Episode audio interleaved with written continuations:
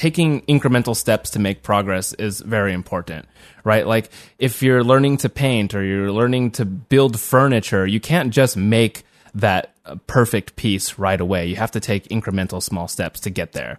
On the 50th episode of Passion in Progress, YouTuber Genki Hagata. During the day, Genki is a web developer for a company called Huge Incorporated, but he is a man of many crafts. He's also a triathlete, he's street raced motorcycles, he's vlogged for a complete year, and he also started Creators Offline, a series of micro conferences for emerging creators of all mediums.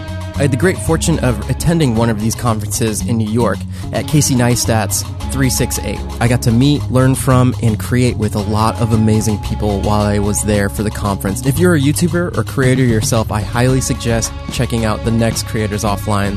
That's going to be in LA June 5th. If you'd like to share out the podcast, I'm at Javier Mercedes X on all the platforms, and I would love to get feedback on how this podcast has been going. I've been doing it for 50 episodes now, so if you could send me an email at Media, that's M E R C E, made media at gmail.com, I would greatly appreciate your feedback. Without further ado, let's get into the 50th episode of Passion in Progress with YouTuber Genki Hagata. What is up, Merce Nation? Javier Mercedes here for yet again another Passion in Progress show, where we talk to inspiring individuals and hopefully through hearing their stories, you too are motivated to go out and pursue your passions. And we do have quite the guest on today's show. He is a web designer and he can do a backflip, people. You have your hand in a lot of different things. A very motivated individual. Genki Hagata. How's it going, man? It's going great. I love your intro. Would you give the audience a overview of the person who you are, what you do day to day, and just like who is who is Genki Hagata? Uh, it's a tough question, I guess. Um, I'll start off. I'm from the San Francisco Bay Area. Um, as a career, I'm a web engineer, um, designer in the past, previously graphic designer, but most of my time these days is in the engineering side of things, um, which is why I'm in Austin right now for South by Southwest. Um, but I mean, that's kind of like the high level stuff of what I do. Um, like I said, I document stuff. I came off a year in 2018 of doing daily vlogs. Um, but yeah, that's uh, it's kind of I don't know. I don't have like a one line. Oh, trust me, there's there's like myself. so much I want to get into. Uh, so we'll just dive right in. Sure. First thing, man, I have to ask motorcycle racing. Yeah. Like you don't really talk about it too much no. on your videos, but your your number one video is you doing this save on your motorcycle. And we don't necessarily need to talk about that, but I just want to know the background of how did you get into motorcycle racing? And can you enlighten the audience as to what kind of motorcycle racing it is and give an overview of what that looks like? Yeah so the type of motorcycle racing that i'm in is um, called road racing. Um, i got into it. I had a buddy who rode a street bike um, and was just you know hey when are you gonna get your motorcycle license? And i was like i don't know. I guess i'm an adult now. i can do. Yeah. I was like, I guess I could go get one. So I, you know, went through the training, did the motorcycle training course, got my permit, um, got a street bike, and I was riding that every single day to work, commuting on it. Um, and I happened to work in this place where we had a really, a really popular motorcycle road, a little twisty canyon road. Um, and so every day for lunch, I would ride on that road. Mm-hmm. And it started to get to the point where I was, you know, it was fun and then it was dangerous. Um, and then the same friend who got me into motorcycles in general um, was into doing track days where you take your motorcycle to the racetrack and you just kind of ride around for fun. Uh, so I got into that. And then I met another friend who was like, Hey, how come you're not racing? And I was like, I don't know. Because that's something you do. yeah. yeah, he got me into racing. He's a great friend of mine now. Uh, we do triathlons together now. Um, but he kind of took me under his wing, was my mentor, got me to get my motorcycle racing license. Um, There's two then, separate things. Yes. Well, I guess that makes sense because you are trusting your life with all the other people that you're racing against. Absolutely. Yeah. Yeah. So that's a big thing too. Is like when you're gridded up next to somebody when you're racing motorcycles, you want to you want to trust that when you're three inches away from them going 100 miles an hour, that they know what they're doing and that mm-hmm. you know mm-hmm. what you're doing too. So, um, yeah, big trust thing there. And I think um, it's kind of one of those things where you don't you're not really good but you do it anyways and you get good through racing. Oh, okay. Okay. so, you know, you start last, you finish last. Um, but throughout the years and progressing, um, slowly got better and better. Are you still doing it right now? I'm not. No, I haven't. Um, 2012, when that video that's on YouTube came out, I tried really hard to kind of get my pro license, or I had my pro license, um, but to try to do like the West Coast Pro thing. Um, but then ended up crashing my all my motorcycles and ran out of money. So Can you just dive a little bit into that? Because I'm really curious about how does a circuit look? Like, how do you break into pro? Like what you were talking about. What's that look like? at least in the US, so uh, you kind of go through like the amateur ranks like I did, which is you spend a little bit of time doing track days and then you go through a course to get your license. You start off as a novice. On average, how many people are there for that, getting their license and then um, trying to make pro and all that kind of stuff? Like, what kind of group are you in right now? So in California, there's a club called AFM, the American Federation of Motorcycle um, Racing Motorcycles. Yeah. Um, but in that club, there's probably a thousand people, licensed racers between novices and experts. Not everyone races all the time. There's people who have retired and come through the field. Um, so on any given race or grid, and everything's broken up into classes, right? You have big bikes, smaller bikes, um, like souped up, like super bikes. Um, so everything's broken into classes. So you might have a grid of 15 people. You might have a grid of 40 people. Um, and not everyone who's there amateur is trying to go pro because going pro costs a lot of money. Like there's pro and getting paid pro are two completely separate things, like factory and then amateur. So like me, you're paying everything to try to like race with the factory guys and be at the back of the grid. Um, so most people are just there, like I was, to do it for fun. What does it take to get the gear that you need to do a race? Um, once you have the motorcycle, the rest of the gear is just safety gear. Minimum price for a motorcycle at a, at a race. If you're like me and racing on a super tight budget, um, you know, under five grand. Oh, the really? Okay. Yeah, Okay. for the motorcycle. But then, what about all the safety stuff that you like? I'm gonna, and I'm assuming it's required at that level. Yes, absolutely. Yeah. So, um, all the safety gear, boots, gloves, leather jacket, uh, leather suit, uh, not just a jacket. Um, It looked like there was like a back brace of some sort or something like that too. that's an aerodynamic hump. What? yeah. See, then I'm just like really curious from like a thir- uh, thirty thousand feet level of Yeah. like, man, I just want to know like w- what all it takes to break into this. But can, uh, continue. Yeah, it's a little bit of just a little bit of money, right? So a lot of the stuff I had from riding on the street and just like trying to be safe on the street. So I like I had the back protector, I had the gloves, I had the boots, helmet obviously in California um, required, um, and then to get into racing for me, it was just buying the one piece suit, um, buying the back protector, uh, and then uh, I got a track bike for like thirty five hundred dollars. I think um, was my first one. So how many bikes did you crash? Kind of lost count, but uh,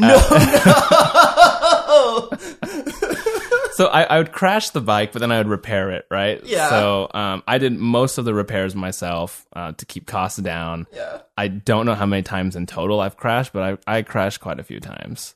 And it sounds like it wasn't too bad when you Um, did crash. No, luckily I got through all of my crashes like without any major injuries. Um, the the biggest injury I had was concussion, um, and I did have two concussions in in one year, which kind of sucked. But other than that, um, most of my crashes, even my fast crashes, I got out of there just without any injury. If somebody was going into motorcycle racing, advice on what you learned from when you did crash, how would you avoid those? Al- Almost all crashes um, are you doing something stupid or are you trying to push your limits.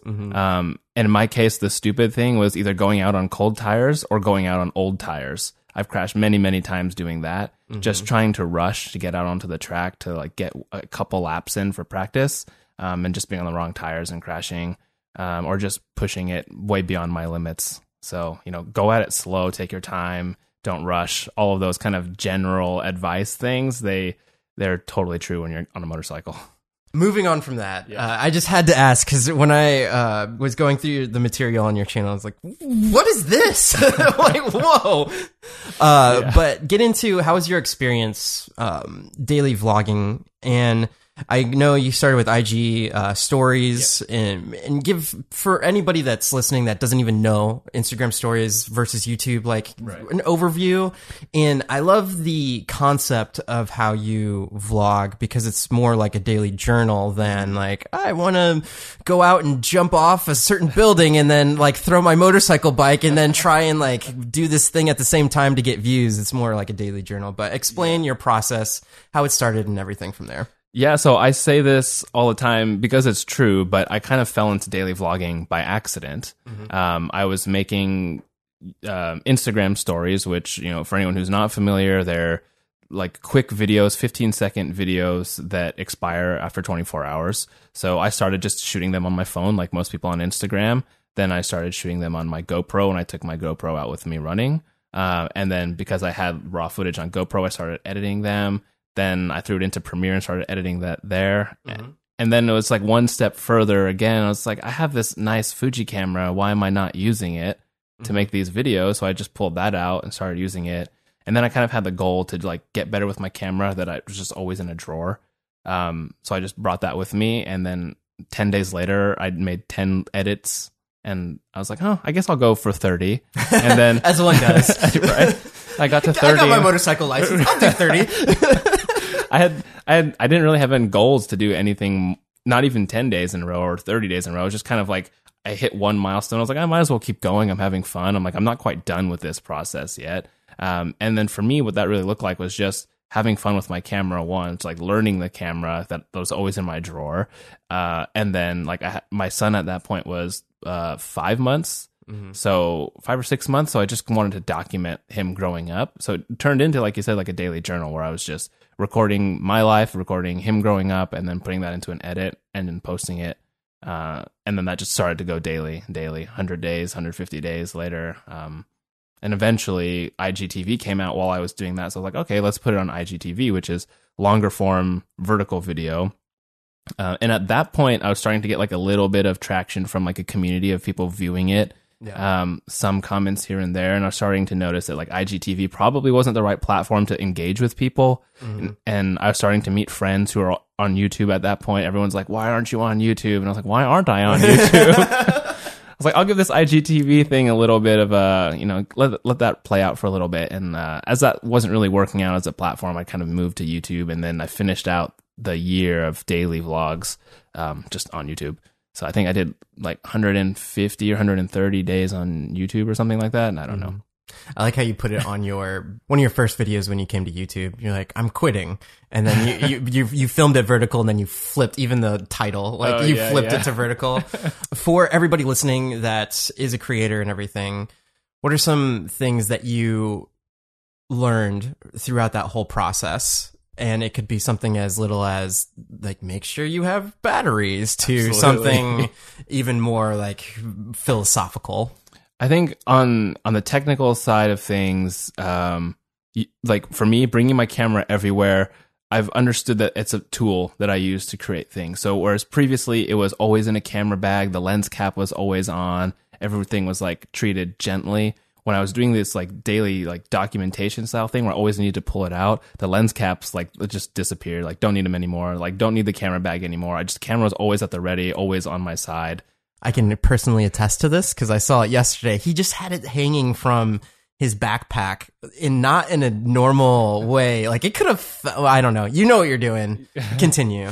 but like to that point i just my camera's always ready but there's a le- level of risk there where i can always break my gear um so to just know that at any time i could break a camera or break a lens and then have to replace it like that's just something that uh, i'm willing to do to have that camera ready for the for the shot and i ended up throughout the year breaking uh my camera three times and had to replace it. Um, had to get a rental to continue doing the daily thing for a week. Um, and then I had to go to Best Buy and pick up an, like a quick Canon M50 to do a week there while my camera was being repaired. So it was like those types of like m- like monetary investments for gear to make sure that that daily commitment thing kept going. And I wasn't like, oh, I broke my camera. Sorry, guys. I'm just not gonna make a video for three weeks. But f- that commitment to daily was really again for myself. It wasn't really for the viewers. Mhm. And I think that's another important thing. Like on the phys- philosophical side, you want to make sure that you're doing it for yourself, right? Otherwise, there's not going to be a strong enough motivation to keep going when you break your two thousand dollar camera. Accountability. Yeah, hmm but it's accountability to yourself, and then also like the desire to want to do it daily. There is one episode or one vlog that you did where you actually broke down the cost of everything with daily vlogging. Do you want to get into it? Um, honestly, I can't remember it too much, but Oh, I wrote it down. Did you? I'll just give the numbers on the actual cost that he did because he broke it down pretty well. He was talking about in terms of just videos that he uploaded, it was 107 gigs for the videos themselves. That's not all of the raw footage. So all of the raw, raw footage, raw, raw, all the raw footage was 11 terabytes worth of GoPro, Fuji, probably some cell phone in there, all the different things. If you were to binge watch his content, you would have to sit down for 11 days to watch it. And then uh, all of the money, and this includes subscriptions, but with the broken um, cameras and everything, was five thousand dollars, seven hundred and seven, or five thousand seven hundred and seven dollars. With that being said, that was from 365 days of daily vlogging. But what was the time commitment like? I think, I think, like you said, you re- reminded me. The time commitment was something around 30 days. So I spent 30 days like 24 hours a day, like added up in hours, 30 days between shooting and editing. Or that might have even been just editing. Yeah. But on like on average, it's 30 day commitment throughout from the year. While you're doing all this, the community aspect, actually watching other people's content and interacting with other people, replying to comments, how is that? Time wise i i don't even know but yeah at, at, least in the early days on instagram uh, stories and igtv there wasn't much of that at all. There was no audience so for probably around the first 150 episodes or so there was very very little time spent replying to comments just because there weren't any. Mm-hmm. um, so i would upload it and then move on to the next one yeah. Um, once I started to build a small audience, and again, my audience is still really, really small, so I probably spend less than an hour replying to comments, but I, I do try to reply to all of them. What's some of the best comments you've gotten? The ones that I like the most are probably the ones where people are saying that I've encouraged them to do something, whether it be video or not video um, or the ones that just keep coming back to watch like my family grow, like mm-hmm. watch Keo grow up and to watch how things progress and just to see the same person come back over and over. Like that's really rewarding. You also brought that up in uh, your 368 video. So do you want to explain the backstory behind what Creators Offline is and break it off from there? Creators Offline is an idea that kind of sparked semi selfishly and then also semi out of the building a community aspect. Mm-hmm. But um, it was really based around my experience at VidSummit in October, where we met first. And that was kind of my first time experiencing what community really was. Because then that first 200 days or so of doing daily vlogs, I had zero community. Mm-hmm. I, I didn't really watch anybody's video. Well, I didn't watch anybody's videos because I didn't know anybody and I didn't know what videos to be watching. So I was just making videos on my own. yeah. So uh, until I like started meeting a few people who also did YouTube videos and until I met people in real life and VidSummit, I didn't have any idea what community was. And then that that feeling of meeting people in real life like really stuck with me and the sense of community was something that I felt everyone should experience. And so as I was trying to find like um for lack of a better term an excuse to like get people together and mm-hmm. like to go to New York, um the idea for creators offline, which is like a micro conference kind of came to mind because um, the world that I came up in in tech in the Bay Area, we have meetups that are more like micro conferences where you always have like a speaker, someone notable in the industry come in, inspire a bunch of new people in the industry, um, and then you have that meetup mingle time. So that format was something I really wanted to bring to the like creator space, like the YouTube and other creators. Um, so I kind of pitched that idea and was lucky enough to have like timing and like luck behind me mm-hmm. to really make that a reality get into like the people that were there? How did the event play out, and what did it mean to you? Well, for the people who were there, I was kind of like, as I was planning this thing and to make it a reality, it was a lot of work, like trying to figure out who the right speakers were, right? Like I knew I wanted some people that were kind of notable in the industry, but also still small because it was really for like the up and coming emerging creators. So I didn't want to have like these giant celebrities come in and that people are just like kind of fanning over. I wanted mm-hmm. Like a mixture of people that they knew and then a mixture of people that they probably didn't know on stage kind of like talking. So it was a lot of reaching out to try to find the right people um, to come and speak. And then it was also on the same side like trying to get the right audience there right? We want to get people who were either just starting out or were thinking about starting out in whatever creative field not just video and try to fill the room with like, like those types of people and getting both of them together, the speakers and the audience, and like really mingling that kind of uh, of like people who've kind of established themselves and people who haven't yet, and not have an ego in the room and just like meeting and talking and interacting. Like that was the most meaningful part of that whole event to me. The thing about doing an event for creators is probably more than 75% or maybe 100% of people there have cameras. And every single Yeah. person came out with a video of their True. experience at the event, which is quite the amount of feedback. So how was it watching other people's uh, experience of the thing that you put together? It was really great actually because at the event I was so focused on making sure that the event ran smoothly that I didn't get that much time to interact with everybody. Right? It was either like, "Hey, thanks" or something like that. Um, but being able to kind of like sit down after the fact and watch everyone's video, that's when I really sank in and I was like, "Oh wow, this was like really meaningful to people." And that's kind of, you know, like I said, that's the hypothesis that I had going in was that meeting people for the first time at VidSummit and having that sense of community in real life was really important to me, and that I knew that other people would find that valuable too. And then to kind of validate that by seeing everyone's videos was like super awesome. I think it's a personal uh, example of what's possible and just the size of what your channel is in reaching out and putting together an event that has people like Cody, um, Becky and Chris, uh, Red Romina, and all the other people that were there. Um, especially Brian Sellers. yeah, absolutely. uh, but with it, it it shows that you were able to have an idea, reach out to one of the biggest people within our niche, the genre of vlogging and things of that nature, Casey Neistat, who's probably the the main person that started the whole thing. I mean, he didn't start it, but he like he's definitely the champion of the whole genre. To hold it at the space of 368 I think it's a testament to everybody that was there that, hey, here's an example of somebody that has an idea. I wanted to do this and here, set in stone. Like it actually happened. Like I did this thing. That's really cool, man. Yeah, thank you. Yeah, I think um you know, I didn't really have that in mind when I kind of set out to do this, like as being an example to other people. Um, but looking back on it, it's totally true. And like seeing some of the other videos that came out, like the Method Box video that talked about the, you know, like harnessing an idea and like going for it, I was like, oh yeah, that's totally true. That did happen. That's so cool that, that like unbeknownst to you, because like when I saw it, I was like, man, this is really cool that this is happening, and it's a uh, it's the idea of a community getting together and creator helping creator. Absolutely. What does the term creator mean to you? So this is it's like a it's a complicated term these days, right? Like you see some people who like don't like the term creator. It's a very hot topic. Yeah, and even where in my industry, I work in technology, but I also work in design. So we have the term creative that mm-hmm. people love and hate.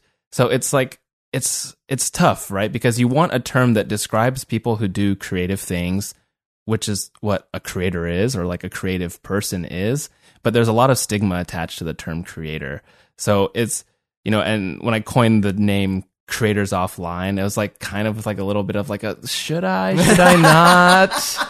Is this gonna be cool in 2019? But um, you know, it's really for a lack of a better term to describe what a creative person is. Cause like I said, I don't want these events just to be for YouTubers because I think right now, 2018, 19, creator means like content creator, like YouTuber.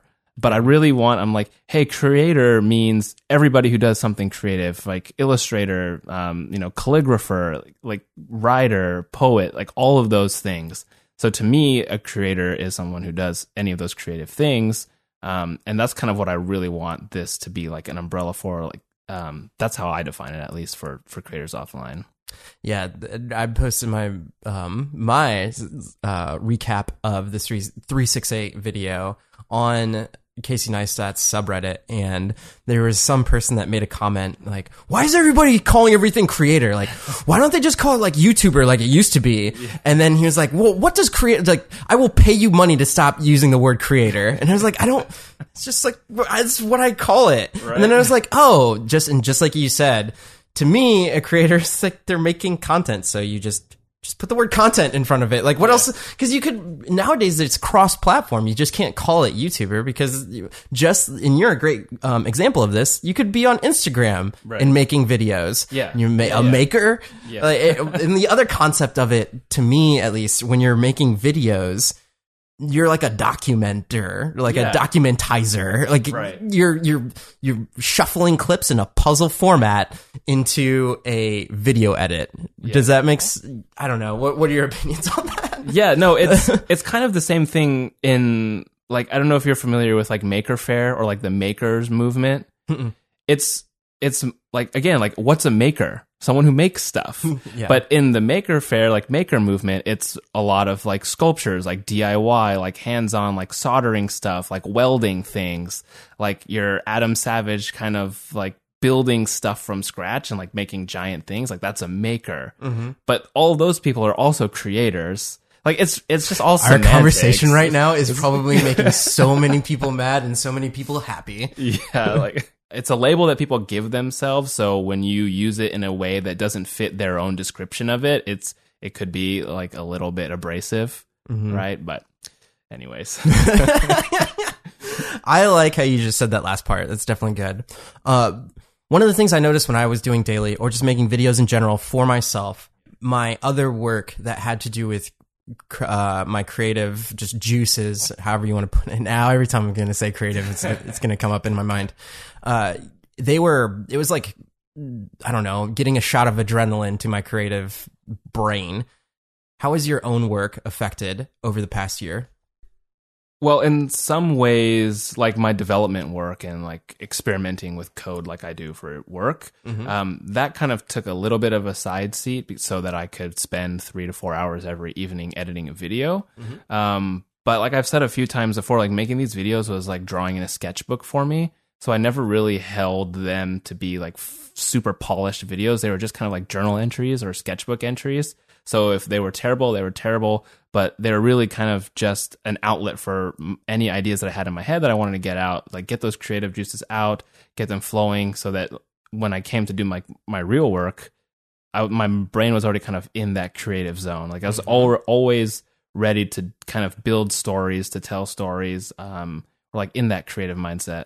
You don't strike me as a person that would have this kind of challenge, but for me, when I was doing daily or even now making content, getting done with a project as opposed to thinking about it, had, did that help with your different projects? Because when I would edit stuff and I would make stuff, it would be easier for me to be like, cool, I have this, okay, eh, and I want to move on to the next thing. Yeah. How does how did that in in terms of work I think I kind of got that whole done is better than perfect like mentality before I started doing daily. Yeah, yeah. I could Um, get that from you. Yeah. Yeah. and especially in my industry where I'm like making sure that stuff gets done so that it's shipped, right? Like we build websites that need to launch at a specific time.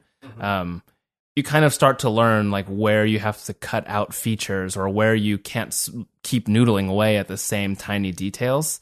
Um, and you kind of take that mindset and bring it over to video. And when you have a daily deadline, it becomes really easy, at least for me, to kind of just say, all right, this is good enough, right? Like, well, I don't like it, but it's done. So I'm going to move on to the next thing. And because I held them as like sketches, and because especially in like the beginning nobody was watching i was like and and that they expired in 24 hours on instagram? Like if it was terrible like it was just gone. Like, like, whatever. Maybe 20 people saw it. Like it's fine. Um so yeah it wasn't that big of a deal for me. But i think a lot of that was because one like i had that mindset going in like before i started doing video even. Um and then starting out on instagram stories where they expired was like a super low barrier to entry um that became really easy for me Would you say if people are looking to getting into that kind of content creation, start that way? It really depends on the person, but I would say, yeah, like if you're worried about what people are going to think of this video in a year from now, if you post it on something like Instagram stories where it's gone, you won't have to worry about people going back to look at what you made a year ago because it won't be there. Yeah. Um, yeah, but if you're looking for like that archive or if you want that feedback, then yeah, it could be the opposite side, right? Like you'd want it to be there. hmm You did a year of daily vlogging. You have this really sweet motorcycle racing. You seem like a competitive type in the sense of goal setting, where if you set something, you are going to achieve. Can you explain your philosophy around goal setting? that's a that's a tough one kind of because i anytime i say i'm going to do something i want to do my very best to actually do it whether that's like accountability to myself or now that if I say I'm going to do something on like on YouTube and someone sees that video, like I'm I'm obligated to do it because it's out there in the world, and at least one person heard me say that I'm going to do it. Mm-hmm. Um, so the accountability thing is big for me, like just letting somebody know, or even just writing it down so there's something that says that I'm going to do it. And for me, at least, just by having that little sense of accountability, it really pushes me to go for things and to actually do them.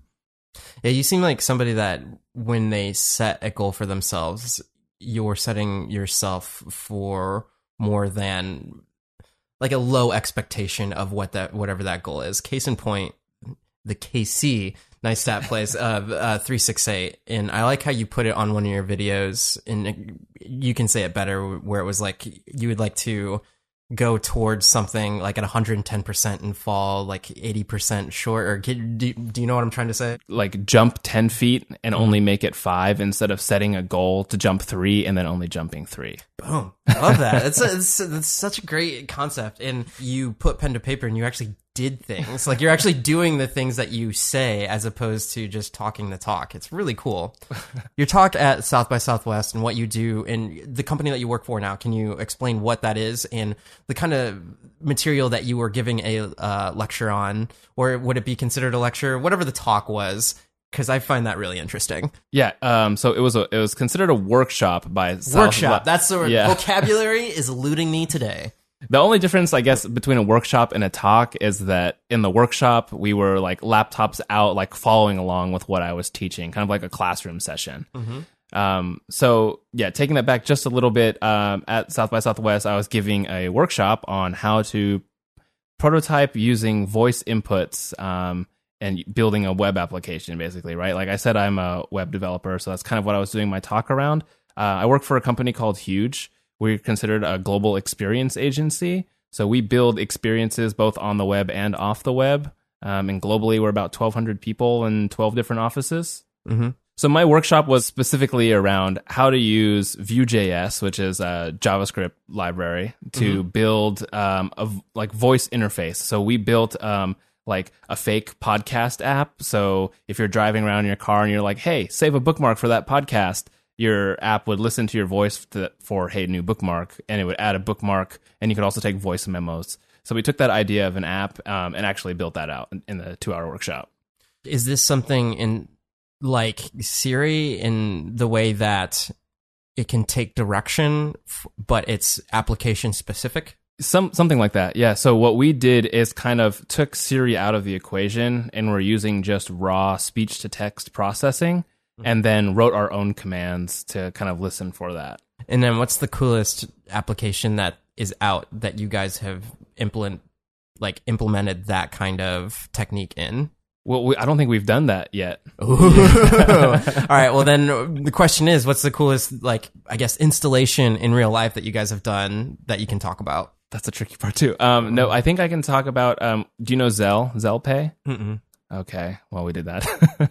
but, but can you explain like what what it was or what it is? So we do a lot of kind of brand work um, and build out experiences that aren't like always super big. Um, one of the latest really fancy exhibits that we've done is um, SK-II. They're a cosmetic brand in Japan. Mm-hmm. We've done a few pop up shops with them that have had really cool like facial recognition stuff that tell like your beauty age um, and like have all kinds of fun like Internet of Things prototypes that are kind of installed in these pop up shops that people can interact with. Um, awesome. Yeah, and we had a booth at CES that did the same thing too for SK-II. When clients approach you guys, are you the one that's coming up with the ideas for things like that and then like implementing them, or how does that look from uh, start to end? Like if somebody comes and like, hey, we have a product and we want a really cool way of showcasing it to an audience, how does that look? Well, in the agency world, it's all a big team. So mm-hmm. like we get an RFP, which is a request for proposal. I'm so glad you explained that. Thank you. yeah. So like a, a, large company will kind of put out an, an RFP mm-hmm. and a bunch of agencies will respond to it.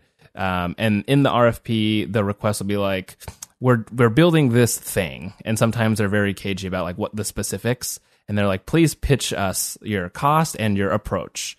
And so then we, as an agency, put together a team of strategists, um, data analysts, if we need to, designers, and maybe some tech people like me.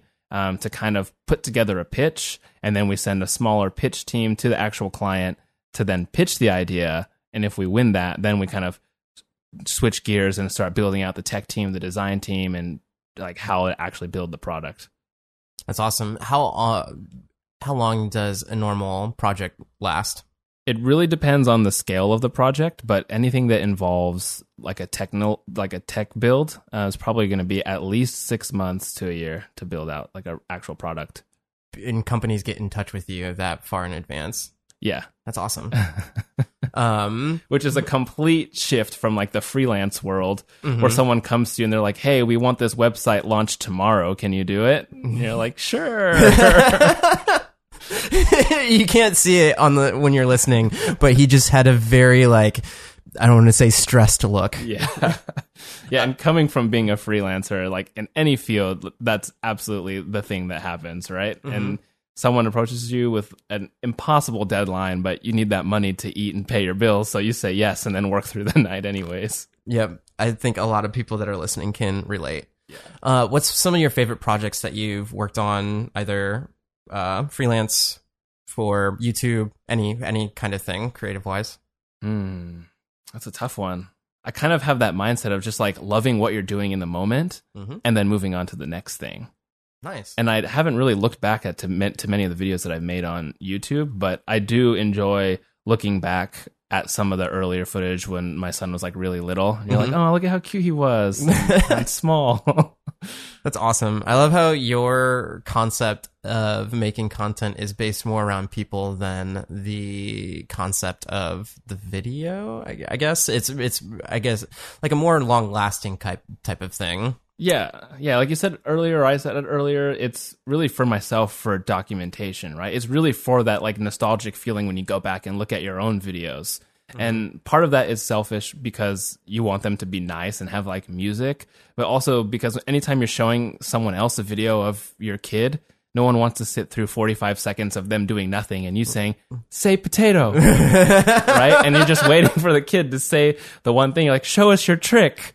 And everyone else who's watching is like, okay. You'd rather cut straight to the action and, and have an enjoyable video for, for your documentation. I hope the title of this episode is Don't Have 45 Seconds of Your Kid Trying to Say Potato. Cut to the action. there we go. Uh, speaking of your kid growing up, you were making a kid's book. Can you explain that process? Again, another thing that I said I was going to do, so I have to do it. Yep. Especially since it's documented um, on the internet. Yeah. Um, but yeah, we started as a challenge in November. You said we explained my who- wife and I Yeah. um, accepted this challenge back in November to make a children's book. I believe it was hashtag No Small November. Again, thanks Cody for the for the challenge. um, but we started. This is the idea to make a book, but between my wife and I had kind of lasted. I don't know the last nine years or so. Like we had the idea for the book and the content and the concept, all of that. So in November, when the challenge rolled around, we were like, all right, let's just do that book that we've been wanting to make for years. Um, so we started to put it together, did the outline, um, wrote the content, and it's still on me now. Like how many months later to finish the illustrations to actually get it published? But yeah, working on it. But how- how's that process in general? Did you guys already have the idea for the book? Did you sit down and brainstorm like, we want to make a book. What are we going to make a book about? how, did, how did that uh, come to fruition? Yeah, so my wife came up with the idea for this specific book many years ago, and she did it kind of as like a photo journal before. And so when we wanted to turn it into like an illustrated picture book, um, it was kind of easy to take that concept, but we did have to go through a process of like writing all the examples, like how do we be as inclusive as, as possible because it is a children's book after all. We don't want it to be like you know very stereotypical like one type of person. So we're trying to be very inclusive with like the you know the ethnicities and the genders. That's that are in the crazy to think about, but yeah, yeah. Yeah. Um, and then all of that too comes back on me as like the person trying to illustrate the book is like, all right, what do all these children that were illustrating, what do they actually look like? So it's like going back and doing research and like trying to find other books that are, you know, inclusive, like accessibility, like having a kid in a wheelchair and stuff like that is like important to us. Um, so a lot of the writing process was kind of around that, um, finding those examples, making sure that our book was um, not only had our original story and our intention, but also was like good for the mass. When you wake up, when you go to work, after having the hustle and bustle of doing daily and all that stuff, like what mental state and where are you at right now? It's kind of a tricky time, right? I really miss doing daily because mm-hmm. daily was structure. And having that structure meant that I would wake up, I would grab all of my batteries, I'd grab my camera, and then I would start shooting right? Like I had a process that I would follow. And now that I'm not doing daily, I don't really have a process. So like waking up is harder unless I have like a work deadline or something, right? I'm like, oh, well, what am I doing today? Like, I don't know. Do I bring my camera to work? Do I not bring my camera? Like all of those things are kind of up in the air. And then I get like decision fatigue, right? And then that's, that's a thing. thing. Wow. I'm gonna. That's a great term. well, decision fatigue is like the reason why people like Mark Zuckerberg wear the same clothes every day mm-hmm. right? Because when you that way you wake up, you know what you're wearing. You don't waste time looking for clothes. Um, and I think for me, like having a structure or a process in place daily is very important to making sure that I have a productive day. Otherwise, like, there's no reason why I shouldn't just sleep until 1 p.m. Well, other than you'd probably get fired from your job too. Cody put that well too, and it seems like you have the same mentality. When I asked him about going stepping off daily, his answer was very similar in the fact that everything was so much more clear. Even even from like not even uh making video decisions wise, it's like, well, how am I going to monetize things? Well, I got to make a video today. Got to like, and then everything else kind of fell in around that. But now it's a decision from day to day, just like you're saying, it's decision fatigue. It's very, very interesting I don't know, for a lack of a better way of explaining it, but that lack of process that's there, are you finding a way to get back into it or when you approach projects, are you procrastinating more? How how does that look? Yeah, absolutely. Pro procrastination is kind of a big thing. Like I I did I don't even know how many videos I've done since I stopped doing daily, maybe 4, mm -hmm. and it's mm-hmm. been like 3 months now. Um but my 368 recap video is a good example. I, I think I waited four weeks to put that video out. Um, and part of that was because like I didn't quite have all the information that I wanted to put into that story. And every time I saw someone else's video from the event come out, I kind of like pivoted my own idea. But then not having that structure, that process that said I have to get it out by a certain time, I'll, like it kind of gave me the excuse to say like, oh well, maybe I'll put it out in three days, maybe I'll put it out in next week, and that that video got procrastinated quite a bit. And it's the same with any video. Like I've shot footage for maybe four vlogs, but that stuff builds yeah, up, man. You gotta. Yeah. Oh. but I'm like, is that really a story I want to make a video about? And then that that time passes, and you're like, uh, it's not as important now as it was last week when I shot it. Um, so yeah, procrastination is a big one. And yeah, when you have that process, it's so easy to just say, okay, I have to make a video. So no matter what I shot today, I'm going to make something out of it. And now, now I have an excuse. If I don't think that that video is good enough, then I don't have to make it. Um, mm. And that's a tough thing to deal with. I think there's another part of this equation though that not many people also talk about. And I think they graze over it what about the other aspects of your life that you weren't being able to spend time doing? Like, is there an equilibrium there? So now the other, like, I, I'm alluding to like family time and all that other stuff. Like, are the other things that you weren't able to spend more time because you like you said you're spending at least 30 days of last year editing right is that like a, do you see a complete shift in how that looks now I, I thought I would. I thought I would just have four hours every night to do whatever. Um, but it turns out that that's not really the case. When I was doing daily edits, I was very efficient with my time. Mm-hmm. And now I kind of I'm less efficient with my time. Like that might be filled How with like that. Yeah, like because you have to fit that stuff in. Mm-hmm. Um, but now I might just go to bed earlier, or I might read something. I might consume content. Like that's mm-hmm. new to me. Uh, so I guess yeah, that that balance that I didn't have before of content consumption that's gone up. Family time, yeah, for sure has gone up, but it's not a one to one of like the time I used to spend editing is now like completely filled with all the other things I wish I was doing. It's it's like a combination of things I wish I was doing and time wasted. Wow, man, you just answered that so well. I like because it's I'm I'm experiencing the same thing kind of getting to the point of like done better than perfect mm-hmm. and continually like trying to force that in of like, no, I just want to get it done. Yeah. is that when I make a video, I have the same thing. I have like a couple videos where there's footage from a really long time ago, haven't made it. Yeah. And a good case in point is one of my most recent videos I've had for over about a year now. And I edited it together, and it was the one that is now the, my most popular video on my channel. And I was on an airplane, so I was like, I'd have my hard drive that has that footage on it. And it was an interview of a guy talking about a um, the camera that they use for a lot of the Oscar nominated uh, and winning films. And I put that thing together. And this is way back when, before I knew like all the different things when you're running uh, material by yourself for audio and all that stuff. But I just put it together and put it out. Right. And that's when it blew up in the YouTube algorithm. And now I'm just getting a whole bunch of comments of like, Yeah. your audio is horrible. And like, what's with this? What's with this camera? And I can't explain to them like, look, I filmed this like a year ago. I'm so much better at it now, but I'm just happy that they're commenting on it. So there, there, I think there's two different cases there for done is better than perfect. Yeah. I don't really, I don't know which way is better, but I think the concept that I'm trying to get at is I don't know if I would have ever came out with that Right. piece of content that got me at this point of recording it has like 47,000 views, which is like, which is crazy for me. Yeah. And if I wouldn't have had the thing set in place of like, well, I want to get out a podcast every Wednesday and I want to have at least, I, at least one piece of content in between there, maybe two. But if I didn't have that in place, maybe that would have never been out in the world and then I wouldn't have gotten all that stuff. So I don't know. Listeners, you, you decide in your brain. So, but what's your concept on that?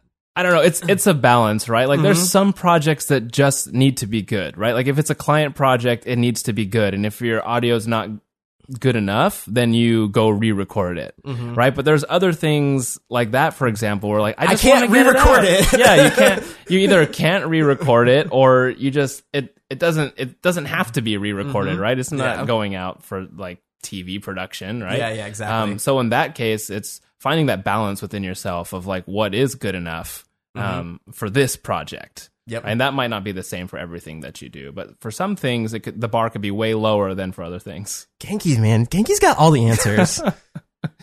uh, so let's let's start to wrap it up. What would you uh, say to anybody that wants to start vlogging or just getting to where you're at now from where they were? I don't know. Would it be graduating? Like wherever they're at in their creative space, you are one of the most like dedicated when you set yourself to do something people that i know on any of the any of the platforms. But it's true and like i said you have the actual examples to back it up. And then i love how you put it like you're, that's not even what you're thinking about but you're leading by example.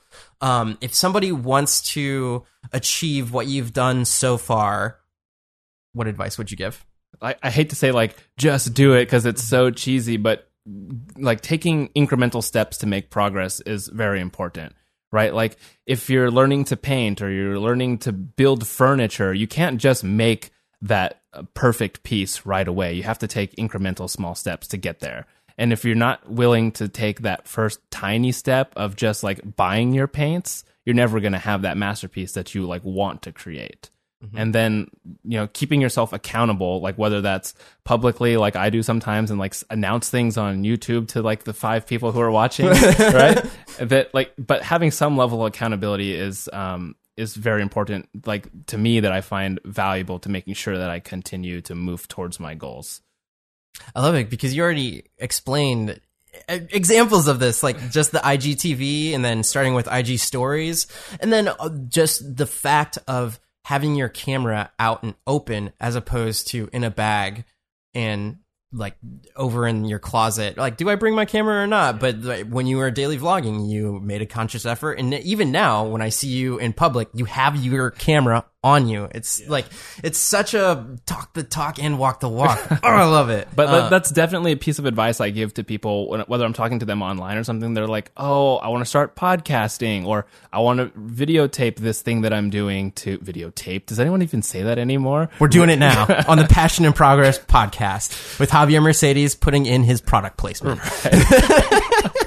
Go ahead. But like anyone who like wants to record, I say that same piece of advice all the time. I'm like, "Where's your camera? Is it in a bag somewhere, like collecting dust?" just have it out just by like having your camera out on a tripod like you do here in your studio like not packing it away get you like so many steps closer to actually hitting that record button which is super important if you're actually going to make a video there are two examples with that that I want to break down with it because it's very powerful what you just said. And I will say, uh, personal example of probably 50% of the videos that I make are because my camera is already out. And when you came into the room for the first time, you're like, well, you have like your setup and everything. And it's with purpose. And the purpose behind it is when I have the creative juices flowing or I have an idea, it's there. It's already in my head and I want to just go down and I want to start making something.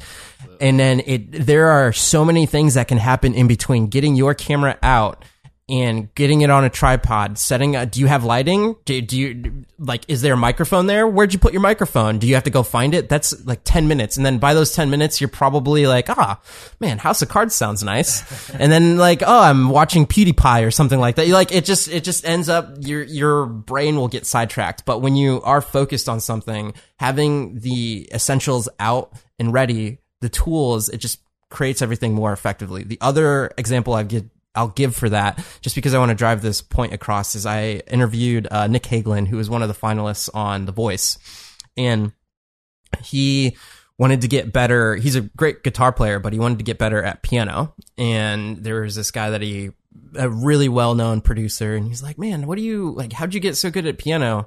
Because he he didn't really do lessons. He's like, "Well, I just." I put my piano in between my living room and my kitchen, and then I just every time I walk by, I'm like, oh, let me play something. And to your case in point, have your tools that you want to perfect in said craft available and ready. Second question: Why do you do what you do? before I get to that, I want to add an example ahead, to what ahead. you said. Because Three, we're coming in threes, guys.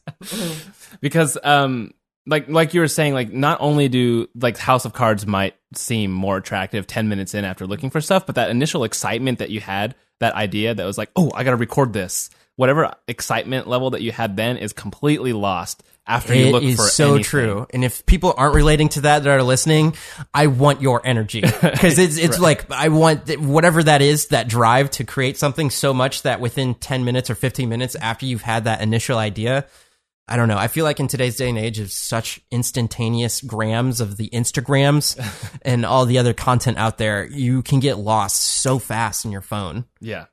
Uh, but again, second question: Why do you do what you do?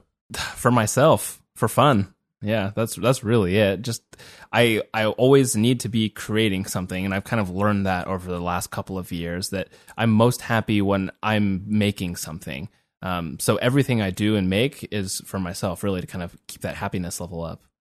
And man, it's also like again, you already like through what you do. It's like, oh yeah, I was just doing like a sketchbook. I mean, I'm just doing it, you know. Yeah. And then people are, if they want to enjoy my story, it's there. It's oh, just, it's so cool that like that's you are authentic in and of who you are, and you live by example and there should be more, not exactly like Genki Hagata's out in the world, but you could um, learn a little thing or two from the example that you're setting. Thank you. I, and you also said uh, you want to make something every day. Is, yes. Can you give your whole slogan and where where can people find you?